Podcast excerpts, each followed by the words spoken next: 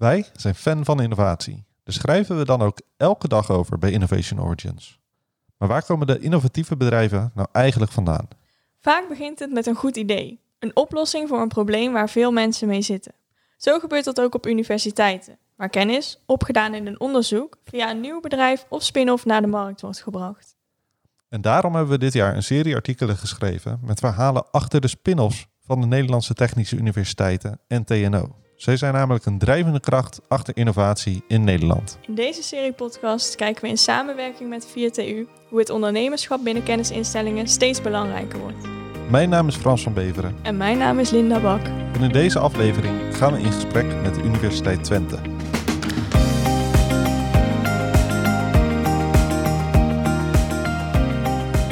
We zijn vandaag bij de Universiteit Twente.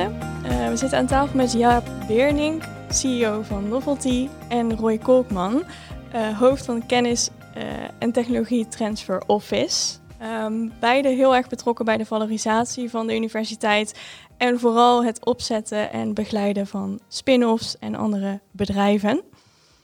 Ehm, Klopt. welkom. Dankjewel. Eh, kunnen jullie wat vertellen over jezelf? Ja, zeker. Ehm, eh, voor de luisteraars die me niet zien, maar ik ben Jaap. Ehm, en ik heb, eh, ben ooit in Twente gekomen om te studeren. Een eh, bedrijfskundige achtergrond. En raakte eigenlijk tijdens mijn studie besmet met het ondernemerschapsvirus... wat hier op die campus eh, van de Universiteit wat woedt. En voor mij was het daarom ook een vrij logische stap... om aan het einde van mijn studie een eigen bedrijf te beginnen... samen met een studiemaat. Ehm, dat hebben we 10, 12 jaar met veel passie en veel plezier gedaan. Een mooi bedrijf kunnen, kunnen bouwen. En toen kwam eigenlijk het moment dat ik daar ook een stapje terug kon zetten. En eh, op dat punt eh, eh, kwam eigenlijk de vraag van... Goh, zou jij willen inzetten voor het, het, het start-up systeem... het innovatiesysteem hier in de regio... rondom de kennisinstellingen. En dat doen we via Nofty. En sindsdien ben ik eigenlijk directeur bij, bij Nofty... ehm, en daarnaast directeur van de holding van de universiteit. En Roy? Ja, ik ben, ben Roy Kolkman. Eh, ik ben nu het hoofd van het Kennistransfer Office. Een achtergrond in, in natuurkunde. Hier ook ges- gestudeerd en onderzoek gedaan. En eigenlijk altijd geïnspireerd geweest door toepassing van de, de, de technologie. Van hoe krijg je nou inderdaad die, dat, dat leuke onderzoek naar de, naar de markt. Op een gegeven moment de kans gekregen om het onderzoek te verlaten. En eh me bezig te gaan, te gaan houden met kennisbescherming, met octrooien, met patenten. eh, om dat te gaan regelen voor de universiteit. En eigenlijk in die rol steeds meer in aanraking gekomen met eh, het, het, Kennistransfer Office. En dus nou in de rol van hoofd van de Kennistransfer Office. Eigenlijk dagelijks bezig met het proberen eh, business te creëren met eh, een team van business developers uit de gave resultaten die voortkomen uit het, eh, uit het onderzoek. Mooi, dus jullie zijn eigenlijk allebei echt vanuit de praktijk en interesse hierin eh, gerold. Ja. Ehm, wat maakt het voor jullie zo interessant om bezig te zijn met ondernemerschap? Nou ja, het, het, het was fantastisch om ondernemer te zijn. En het is fantastisch om ondernemers verder te helpen. Dus in beide heb je, komt dezelfde passie terug die rondom ondernemerschap bestaat. En het mooie van ondernemerschap is, is dat het heel gaat om grenzen verleggen. Om eigenlijk dingen te bereiken die nog niet bereikt zijn. eh, op een andere manier of met een ander product. Ehm, eh, en dat, dat, dat, inspireert aan alle kanten, ehm, denk ik. Dus ik vind het de- inspiratie die ondernemers geven, ondernemerschap geeft, de, de technologieën, de innovaties waar het vaak om gaat, dat, eh, ja, dat barst van, van, van de inspiratie over hoe de wereld van morgen eruit gaat zien. En dat, ja, dat, dat, dat geeft mij veel voldoening om hiermee bezig te zijn in ieder geval. Wat is nou echt zo'n ehm, typisch bedrijf bij de universiteit waar jullie het meest trots op zijn? Nou, dat is natuurlijk een hele, hele moeilijke vraag om te beantwoorden. Want we zijn trots op alle bedrijven die hieruit voortkomen bij de universiteit. Ehm, we, we hebben bedrijven die iedereen kent. Eh, Booking.com, thuisbezorgd.com. Hoofdsponsoren van het EK. Dus je zag ze vol op de, op de billboards. Ehm, dat zijn niet de typische bedrijven die hieruit voortkomen vanuit onderzoek. Dit zijn typische bedrijven die voortkomen uit studentenpopulatie. Dus we zien veel ondernemerschap rondom studenten. Dan gaat het dus ook vaak niet om IP-overdracht. Dus een ander type ondernemerschap, ook een andere manier van betrokkenheid. Dus ze krijgen alle support. Ehm, maar we hebben daar niet een, een aandeel of iets dergelijks in. Dus je hebt dat soort bedrijven ehm, eh, die ook vaak wat meer op de IT, eh, aan IT gekoppeld zijn. Een mooie waar we nu heel trots op zijn is Code Sandbox. Ehm, twee studenten die hier allerlei support hebben gekregen via Incubase, onze incubator voor studentondernemerschap.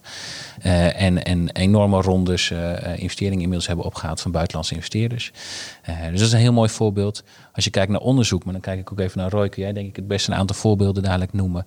Ehm, vind ik het heel mooi om te zien dat eigenlijk vanaf het moment dat, dat iemand hier zijn promotieonderzoek begint, dat we proberen om ondernemerschap al op dat moment eigenlijk een, een plekje te geven. Dus op het begin van je onderzoek al na te gaan denken over hey, wat is eigenlijk de maatschappelijke impact? Wat, is de, wat zijn de kansen om hier met een bedrijf uh, daadwerkelijk mee aan de slag te gaan? Dan proberen we heel vroeg die zaadjes daarvoor te planten bij, uh, bij, bij onderzoekers.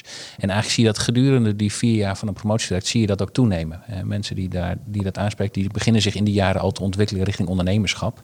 en daar komen hele mooie voorbeelden uit voort.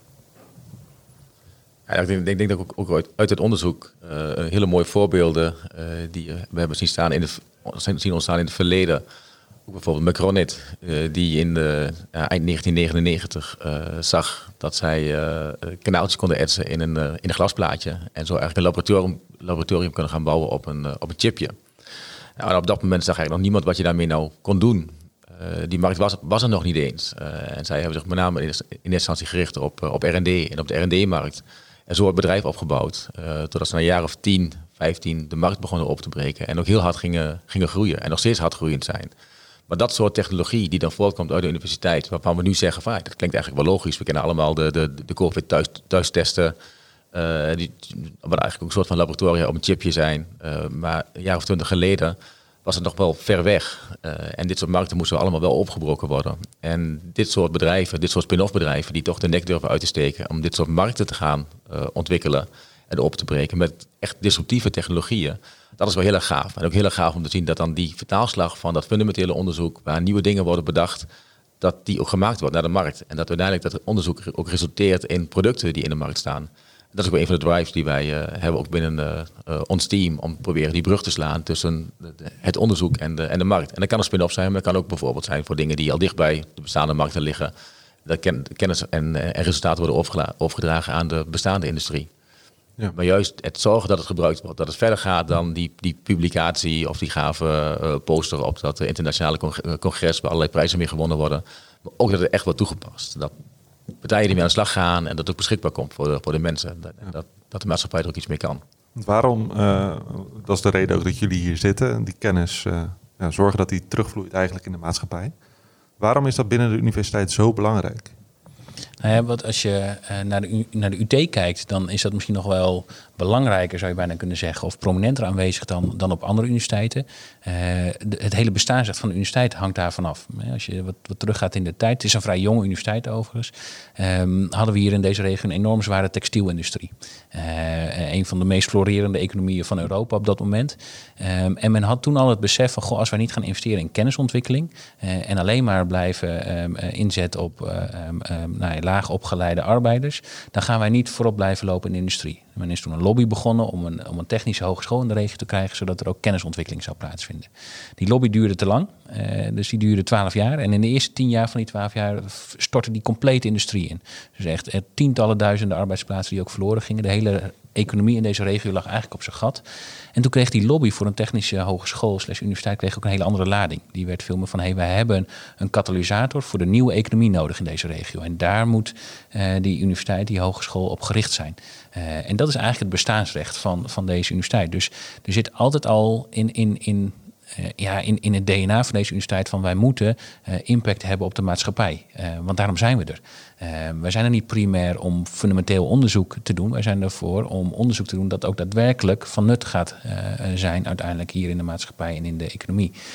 En je zag eigenlijk in de jaren tachtig dat de toenmalige rector Harry van der Kronenberg dat ook echt uh, heel expliciet ging maken. En in de universiteitswereld als een beetje een uitschot werd behandeld. Van hoezo wil jij geen ivoren toren zijn? Ik overdrijf het wat, hè. Maar um, zijn filosofie was, wij zijn de ondernemende universiteit. Daar kwam toen ook de ondertitel vandaan. En dat betekent dat we onderzoekers hebben die met de markt durven praten. Onderzoekers die naar de markt durven toe te gaan. Die ondernemend zijn en ondernemingen willen starten. En eigenlijk is het vanaf toen al, um, werd het eerste incubatorgebouw van Europa werd hier uh, gerealiseerd. Een eerste um, pre-seed lening, zou je, zou je het nu noemen, werd toen um, neergezet. Om die onderzoeken die de stap durfden te maken naar ondernemerschap, die niet door een bank of door wie dan ook gefinancierd werd, toch wat broodgeld mee te geven om de eerste fase door te komen en de rust te hebben om een start te maken met zijn bedrijf. Nou, dat soort support werd eigenlijk toen al in de jaren tachtig hier, hier, hier ontwikkeld. En, en zie je eigenlijk sindsdien sindsdien doorontwikkeld zijn. En zie je, vind ik heel mooi, ook gevolgd zijn door alle universiteiten eigenlijk. Hè. Dus je ziet dat valorisatie inmiddels uh, een, een, kerntaak is geworden van een universiteit. Um, op elke universiteit op een bepaalde manier wordt vormgegeven. En dat is heel mooi. En dat kan altijd beter. Hè. We doen het veel beter dan de jaren 80. En over tien jaar zullen we het weer veel beter doen dan nu. Um, maar um, uh, het belang van valorisatie voor deze universiteit gaat dus best wel ver terug. Lang verhaal misschien, maar... Wat je ook terugziet bij andere universiteiten inderdaad is... Uh de ene universiteit is er al veel langer mee bezig dan de ander. En uh, dat zie je ook terug. Um, kan je een paar voorbeelden noemen van, uh, van die spin-offs die dus uit het onderzoek komen? En hoe jullie ze eigenlijk helpen? Want ja, waarom, waarom ze jullie nodig hebben? zeg maar ja, ik snap dat je geld nodig hebt en een plek om je onderzoek te doen. Ja. Uh, maar dat kan ook buiten de universiteit natuurlijk. Ja, nou, het is sowieso belangrijk denk ik, dat, om als basisuitgangspunt het succes van het bedrijf wordt niet bepaald en gecreëerd door de universiteit. En de universiteit kan je een bepaalde uitgangspositie geven door kennis over te dragen. En die kennis is over het algemeen uniek, waardoor het ook een fijne basis is om mee te beginnen. Maar daarna hangt alles af van het team, uh, investeerders die betrokken worden en het systeem dat je kunt, kunt bieden om, uh, om, om te floreren als ondernemer. Um, dus onze uh, impact op uiteindelijk het succes is natuurlijk ergens beperkt. En wat wij proberen te doen is eigenlijk ook dat systeem dus zo optimaal mogelijk in te vullen. Doordat we met Novelty eigenlijk op, hè, dat is gewoon dus no strings attached. Dus een ondernemer hoeft niks in te leveren voor de support die, die we bieden, hoeft niks te betalen voor de support die het krijgt. Uh, en wat we daarin hebben zijn allerlei ondersteuningsprogramma's. variërend van een dag, een bootcamp over hoe een businessmodel in elkaar zit, totdat je daar drie maanden mee bezig gaat of nog langer. En dat werk gaat proberen om die marktintroductie te realiseren in het tijdsbestek. Tot aan het toegankelijk maken van een netwerk van investeerders. bijvoorbeeld. Dus dat zie je op verschillende manieren. En, en misschien Roy, kun jij iets zeggen over hoe we eigenlijk vanaf het eerste moment van, van scouting al proberen um, uh, de kans op ondernemerschap te identificeren en vervolgens de support te bieden in in de fase daarna. Ja, de, de zaken die we doen om, om, onderzoekers te, te, te, te, stimuleren om ondernemer te zijn, uh, is dat we uh, wat Jaap noemde, de bootcamps aanbieden. we hebben een bootcamp de Entrepreneurial Researcher. We geloven erin dat eigenlijk elke onderzoeker wat ondernemende skills moet hebben. Of die nou in het onderzoek blijft, naar het bedrijfsleven gaat of zelf ondernemer wil, wil worden. Dat is voor alle carrièrepaden die voor zo'n onderzoeker voorliggen, is dat handig om dit soort skills te, te hebben. Dus wij bieden een, bootcamp aan waarin ze eigenlijk in een paar dagen aan de hand van hun eigen onderzoek leren hoe je moet kijken op een business manier naar het onderzoek. Hoe kun je daar nou impact uit creëren uit de, de, de, naar de maatschappij? Uh, wat zijn je unique selling, selling points? Uh, hoe kun je daar een verdienmodel aan maken? Wat zijn, zijn strategische partners die je nodig hebt? Om een hele andere manier van denken te krijgen dan ze gewend zijn vanuit het onderzoek. En we merken dat onderzoekers daar uh, heel erg enthousiast van zijn. en dat is voor ons ook een hele ja, laagdrempelige manier om te scouten wat voor resultaten er al aankomen in het, uh, in het onderzoek. Want wij kunnen pas iets zodra er echt een resultaat is. Uh, er zijn natuurlijk heel veel ideeën in het onderzoek. Dus mensen hebben allerlei ideeën om nieuwe dingen te, te, creëren. Maar als je richting de markt wil, dan moet je toch echt al een keer een bewijs hebben voordat je iets kan doen richting de, de markt. Dus wij komen eigenlijk het liefst zo snel mogelijk in actie op het moment dat onderzoekers een resultaat hebben bereikt. Uh, en dat dan ook ons zo snel mogelijk beter te vinden. Dus die awareness is heel erg belangrijk. Uh, dus dat proberen we op allerlei manieren te doen. Waarbij van die bootcamp er eentje is. Uh, en we zien dat we daar het aantal, aantal deelnemers dat dat uh, vrij hoog is. We houden nu één keer in de twee maanden zo'n zo'n bootcamp met een fors aantal, aantal deelnemers. Mensen zijn enthousiast en er komt ook hoge kwaliteit uit aan, aan cases die we ook kunnen opvolgen. naar, die, naar die bootcamp. Sommige direct, sommige moeten nog even in de wachtstand omdat dat er in het onderzoek nog iets moet, moet gebeuren. Maar dat zorgt voor heel veel veel tractie. En dat motiveert ook andere onderzoekers om ook mee te, mee te doen. En uh, dat zorgt voor awareness binnen de, de onderzoeksgroepen. Dus daar uh, zetten we heel erg uh, op in. we zorgen ook voor dat we de onderzoeksgroep regelmatig bezoeken. Dat we laten zien wat we, wat we doen, welke services we kunnen, we kunnen bieden. Dat we een strategische relatie opbouwen met de, de hoogleraar en met de vaste staf. daar hebben we ook een paar meer gedraaid de afgelopen jaren. En dat, dat werkt goed, dus dan gaan we ook verder uit, uitrollen. Dus op het moment dat dat weer wat, wat meer kan en de groep weer allemaal weer fysiek overleggen, gaan we dat uh, na de zomer ook weer verder uh, opstarten en uh, intensiveren. Om ze ook zoveel mogelijk naar boven te halen uit het, uit het onderzoek. En we kijken ook naar wat manieren om op een, met behulp van AI, dus kunstmatige intelligentie, wat publicaties te gaan screenen en zo de resultaten wat eerder naar boven te krijgen.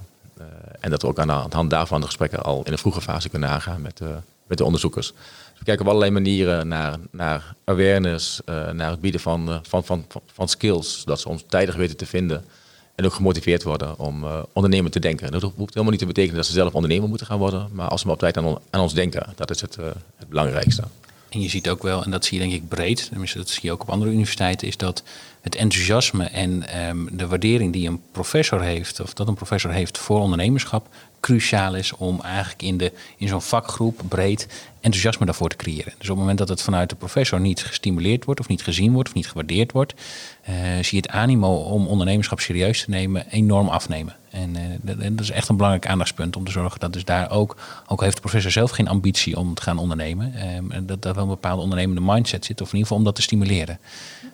Zijn er een aantal specifieke bedrijven die misschien ehm, via deze weg ehm, ja, naar voren zijn gekomen?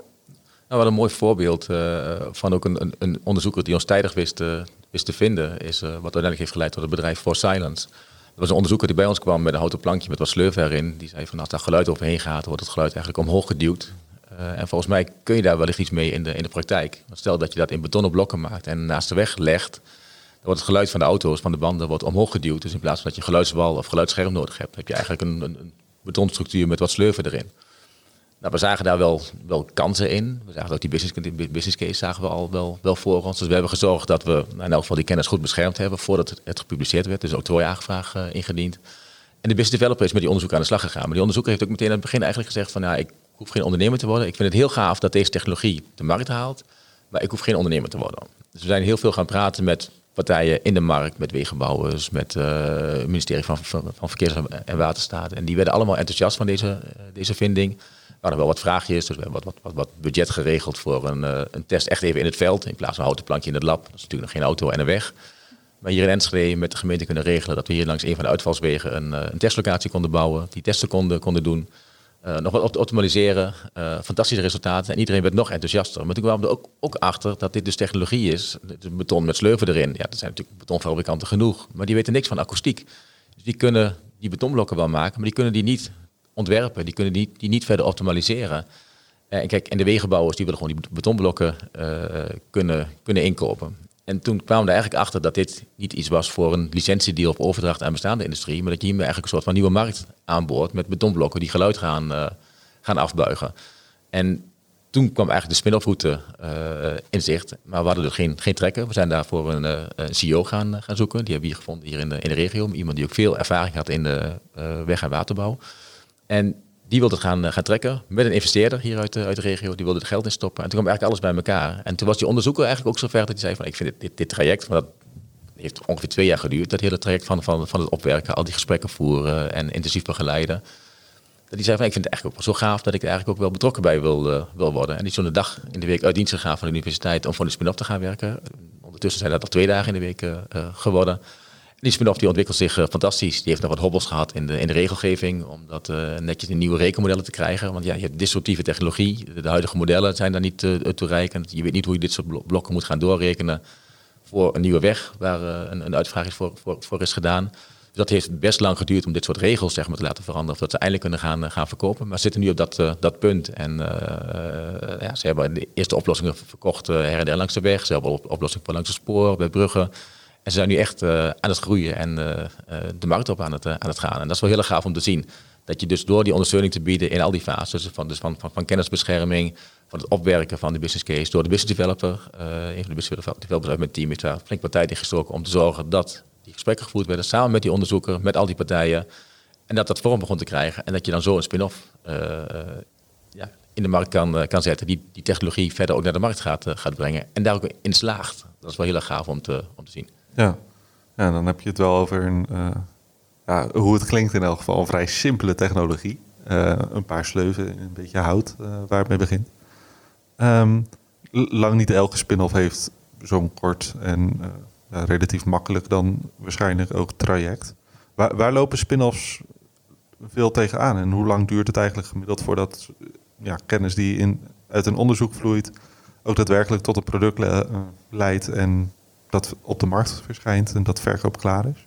Ja, ik, ik zou niet onderschatten hoe, uh, hoe ingewikkeld dit project, nee, project al was eigenlijk. Ik bedoel meer dat het, de sleuven, dat was het moeilijkste. Maar dat, ja, uiteindelijk, en dat zie je natuurlijk met alles zo, dat disruptieve technologie um, past niet in de huidige kaders over het algemeen. Of het nou wetgeving is, of bijvoorbeeld medisch, hè, om, hoe, hoeveel er voor nodig is voor ziekenhuizen om daadwerkelijk een eerste test te kunnen doen, uh, dan wel daadwerkelijk gaan implementeren, dan, dan, dan ben je zoveel verder qua tijd en qua procedures, dat je eigenlijk merkt dat technologieontwikkeling niet de bottleneck is. Dat gaat vaak sneller dan het, het, zorgen dat ook iets geïmplementeerd kan worden in de praktijk. En dat, dat zie, je, zie je bij wegenbouw um, uh, en dat zie je medisch. Dat zie je eigenlijk in alle sectoren waarin je met disruptieve technologie om de hoek komt kijken. Dat het gewoon het bestaande kader matcht niet met de, de, de, innovatie die, die je te bieden hebt. Ook al is die veel beter dan de huidige stand van zaken.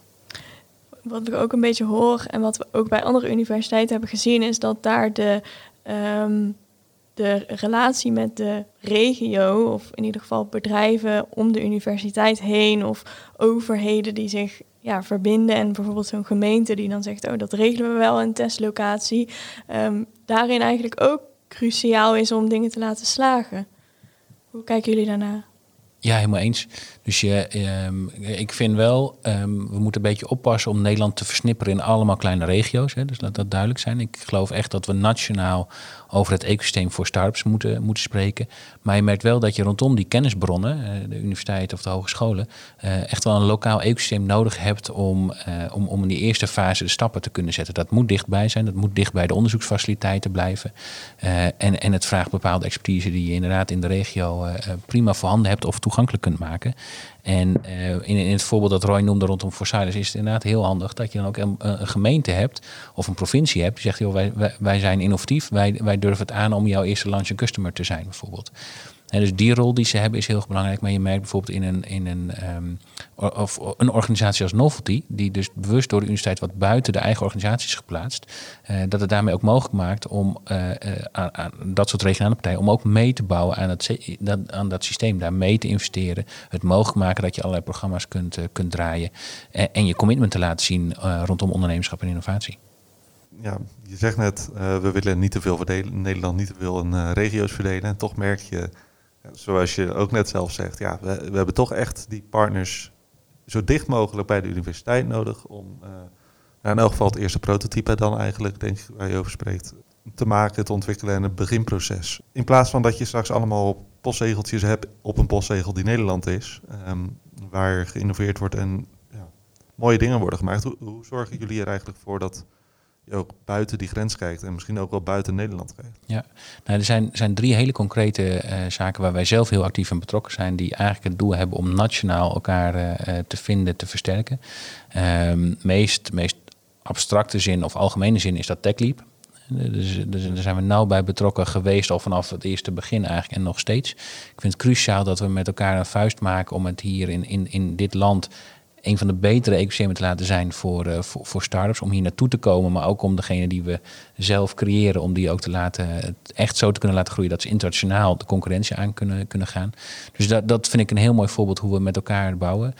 Um, specifieker bijvoorbeeld rondom uh, MedTech uh, en andere thema's hebben we de thematische tech-transferregelingen. Waarin we eigenlijk hebben gezegd, oké, we gaan de, de, de verschillende kennisbronnen. Bij MedTech zijn het dus zowel de um, technische universiteiten als de academische ziekenhuizen wij bundelen krachten. Dus wij gaan allemaal lokaal scouten. We gaan lokaal een eerste, eerste paar stappen zetten. Maar vervolgens gaan we zo snel mogelijk eigenlijk nationaal uh, de casussen versterken. Wat zelfs zou kunnen leiden dat je eigenlijk IP gaat bundelen vanuit verschillende kennisinstellingen, bijvoorbeeld of academisch ziekenhuis, tot één start-up. En die nationale support krijgt. Dus daar schuilt er heel snel op. En wat nu een ontwikkeling is, dat is natuurlijk het groeifonds.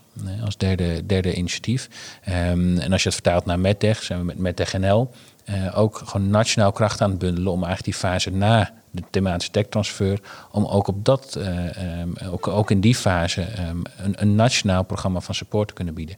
Waarvan je dan moet denken dat je uh, hier in de regio een, een incubatorgebouw hebt met labfaciliteiten voor medische bedrijven, uh, met, met support voor um, medische start-ups, maar waar je een nationaal netwerk hebt van experts die je niet in elke regio hoeft te hebben. Een nationaal netwerk van investeerders, wat je ook niet per se in elke regio hoeft te hebben. Je moet zorgen dat ze toegankelijk zijn. En dat kun je perfect op nationaal niveau regelen met elkaar. Wat betekent dat dan uiteindelijk voor de bedrijven die hieruit voort gaan komen? Dat ik hoop dat ze op deze manier optimale kans hebben op doorgroei. Um, want, dat is waar het natuurlijk om gaat. Hè. Vanuit ons, vanuit de universiteit, um, is, is de hele reden van valorisaties, eh, wat ik in het begin zei, um, het creëren van impact. onze rol is daarin ondergeschikt. we hopen daarin te kunnen bijdragen. En we zien dat wij uh, daar een beperkte mate van invloed op hebben. Dus we hopen dat alle partijen die nodig zijn om dat succes te maken, daar uh, zo goed mogelijk toe in staat zijn. En kijk, type bedrijf dat ontstaat uit, uh, uit de universiteit is per definitie een, uh, een niche-speler op een wereldwijde markt. Dus voor deze bedrijven is geen lokale markt, is geen Nederlandse markt, is alleen maar een wereldwijde markt waarin zij actief moeten zijn. Dus als wij er niet voor zorgen dat dit soort bedrijven zich zo snel kunnen ontwikkelen dat ze ook echt op dat wereldtoneel kunnen spelen, um, hebben ze geen kans van slagen. Dus het is, um, het is mooi dat lokale overheden um, als launching customer willen acteren, uh, willen optreden. Dat bedrijven op die manier bewijs kunnen aanleveren van hey, onze oplossing werkt. En dat ze dat vervolgens zo snel mogelijk in het buitenland kunnen verkopen op die manier. Wat, zijn dingen waar veel spin-offs nou echt tegenaan lopen? Wat zijn, wat zijn de problemen? Ja, wat kan er beter eigenlijk gewoon? Wat, hebben jullie nodig om nog meer bedrijven vanuit de universiteit ja, eigenlijk de kennis uh, terug de maatschappij in te helpen? Ik denk dat, dat, dat de juiste financiering is, is, is altijd een uitdaging, zeker in de vroege fase. Um, uh, en dat is in het generiek, maar dat is natuurlijk per casus ook nog weer afhankelijk van wat voor type investeerder past bij jou. En is die investeerder ook bereid om in een vroege fase in te stappen? We zien dat daar eigenlijk Dat er is heel veel geld. Er blijkt ook uit alle onderzoeken dat er nog nooit zoveel geïnvesteerd is in start-ups als nu. Um, maar je ziet wel dat het uitdagender wordt naarmate je zwaardere technologie gaat hebben. Dus hoe meer deep tech, hoe ingewikkelder het is om funding op te halen. En hoe vroeger je zit, hoe moeilijker het is om funding op te halen. Dus je ziet dat er wel meer geld geïnvesteerd wordt, maar dat er minder deals bijvoorbeeld gedaan worden. Dus het geeft aan, er worden grotere bedragen geïnvesteerd. Vaak in een wat latere fase dan kleinere rondes in de hele vroege fase. Dus dat zijn best wel bottlenecks die juist in die opstart uh, een, een, een, belemmering kunnen zijn. Dat je te lang bezig bent om het juiste kapitaal uh, uh, op te halen. En, en waar we het net ook over hadden, de, implementatie, innovatie, adoptie van potentiële marktpartijen. Um, ja, is altijd een hele ingewikkelde. Ja, dus voor een groot deel komt het bij waar kan de start-up markt in Nederland nog verbeterd worden, komt weer op geld uit. Dat hoor je namelijk uh, overal Hoor je altijd. Nou, nee, ik vind ook, er zijn nu, um, uh, dus volgens mij werd vorige week bekend dat de overheid uh, ook makkelijker, het makkelijker gaat maken om, um, om, om, medewerkers aandelen te geven in je, in, in, je start-up. Nou, dat zijn ook hele belangrijke dingen dat je, die kunnen, omdat je op die manier betere mensen kunt aantrekken, meer mensen uit het buitenland hier naartoe kunt halen. Visa, een visa makkelijker maken, makkelijker maken voor buitenlandse medewerkers die bij een start-up komen werken. Dat zijn allemaal zaken die echt, echt, bij, uh, echt, echt bijdragen. Um, maar kapitaal is zeker eentje die altijd, uh, altijd terugkomt. Ja. ja, ik zit nu te denken, ik kan me voorstellen dat sommige luisteraars uh, nu denken, ja, um, ik heb niet um, een paar honderdduizend euro op de plank liggen om een start-up verder te helpen. Maar zijn er dingen die iedereen zou kunnen doen om een beetje bij nou, te dragen? Dat is een goed, goed punt. En, en dan kom ik even terug op het voorbeeld van For Silence, wat Roy zo straks aandroeg. Um, wat we ook zien aan de bottleneck is de ontwikkeling van het team. En uh, vaak is in de beginfase, in ieder geval op het moment dat wij erbij betrokken zijn, is het, bestaat het team eigenlijk nog niet. Dan wel het bestaat uit een onderzoeker of twee onderzoekers. Um, dus cruciaal voor ons is altijd dat het team zo snel mogelijk wordt uitgebreid. Met, um, uh, met mensen met marktkennis, met businesservaring. Um, die, die bekend zijn hoe bouw je een bedrijf in, in, plaats van hoe ontwikkel je een technologie iedereen die zich daarmee aangesproken voelt van goh, dat is toevallig iets wat ik wel kan, uh, mag zich per direct melden. Um, want de pool van mensen die we daarvoor uh, kunnen gebruiken is nooit groot genoeg. Dus daar kunnen we altijd goede mensen gebruiken die zeggen, nou ik zou het wel eens aandurven om die stap te maken om met een hele mooie technologie uh, een bedrijf te gaan bouwen. ik heb nu x jaar bij weet ik welke grote corporate gezeten en ik heb die wereld wel, wel gezien. Ik durf de stap te maken om met disruptieve technologie te gaan werken. Ik besef me dat dat veel meer onzekerheid is. En ik daar best wel wat dingen voor moet opofferen. Maar ik snap ook dat het eigenlijk veel gaver is dan mijn baan bij uh, Corporate X. Um, laat die mensen alsjeblieft bellen, want die kunnen we goed gebruiken. Ja. Dus eigenlijk uh, zeg je, er is te veel kennis voor het aantal ondernemers dat we hebben. Of te weinig uh, ondernemers voor het, de hoeveelheid kennis die we hebben. Die stelling zou ik in ieder geval wel willen aangaan. En of het dan echt zo blijkt, laten we dat maar zien als al die mensen zich melden om, om mee te bouwen. Nou, dat lijkt me een mooie uitdaging. Ja, ja nee, zeker. Nou, er was een eh, hele duidelijke oproep op het einde. Dus eh, iedereen die zich geroepen voelt, bel vooral met Novelty van eh, Universiteit Twente. Als je je aan wil sluiten bij een leuke start-up. Ja, vielen jouw dingen op? Wat, wat- Ja, nou ja, sowieso het enthousiasme. Ehm, die oproep zegt denk ik al genoeg. Maar ook gewoon ehm, ja, het enthousiasme waarmee er over het ondernemerschap gepraat wordt. En natuurlijk de oorsprong van de universiteit. Je ziet gewoon in nou ja, hoe ze nu vertellen, maar ook in hoe het beleid geregeld is, dat ze gewoon eh, ja, nog echt heel veel respect hebben. Ja, hoe kun je dat zo zeggen? ja, ik denk het wel. Gewoon eh, waarde hechten aan eh, hoe ze zijn opgericht ooit. Om de ja, lokale industrie eigenlijk aan te jagen in de regio. Ja, precies. Dus dat. ehm, en mooi dat ze ook die samenwerking in de regio nog steeds eh, benutten. Dat ze bijvoorbeeld snel kunnen schakelen met partijen als de gemeente om snel pilots voor de start-ups eh, op poten te zetten. Nou ja, laat wel echt zien hoe belangrijk de regio is. Ja, dat denk ik ook. Dus eh, ja, mooi om te zien in elk geval. Jullie allemaal bedankt voor het luisteren. In de volgende aflevering gaan we in gesprek met TNO. Dus geen universiteit dit keer. Maar tot volgende week.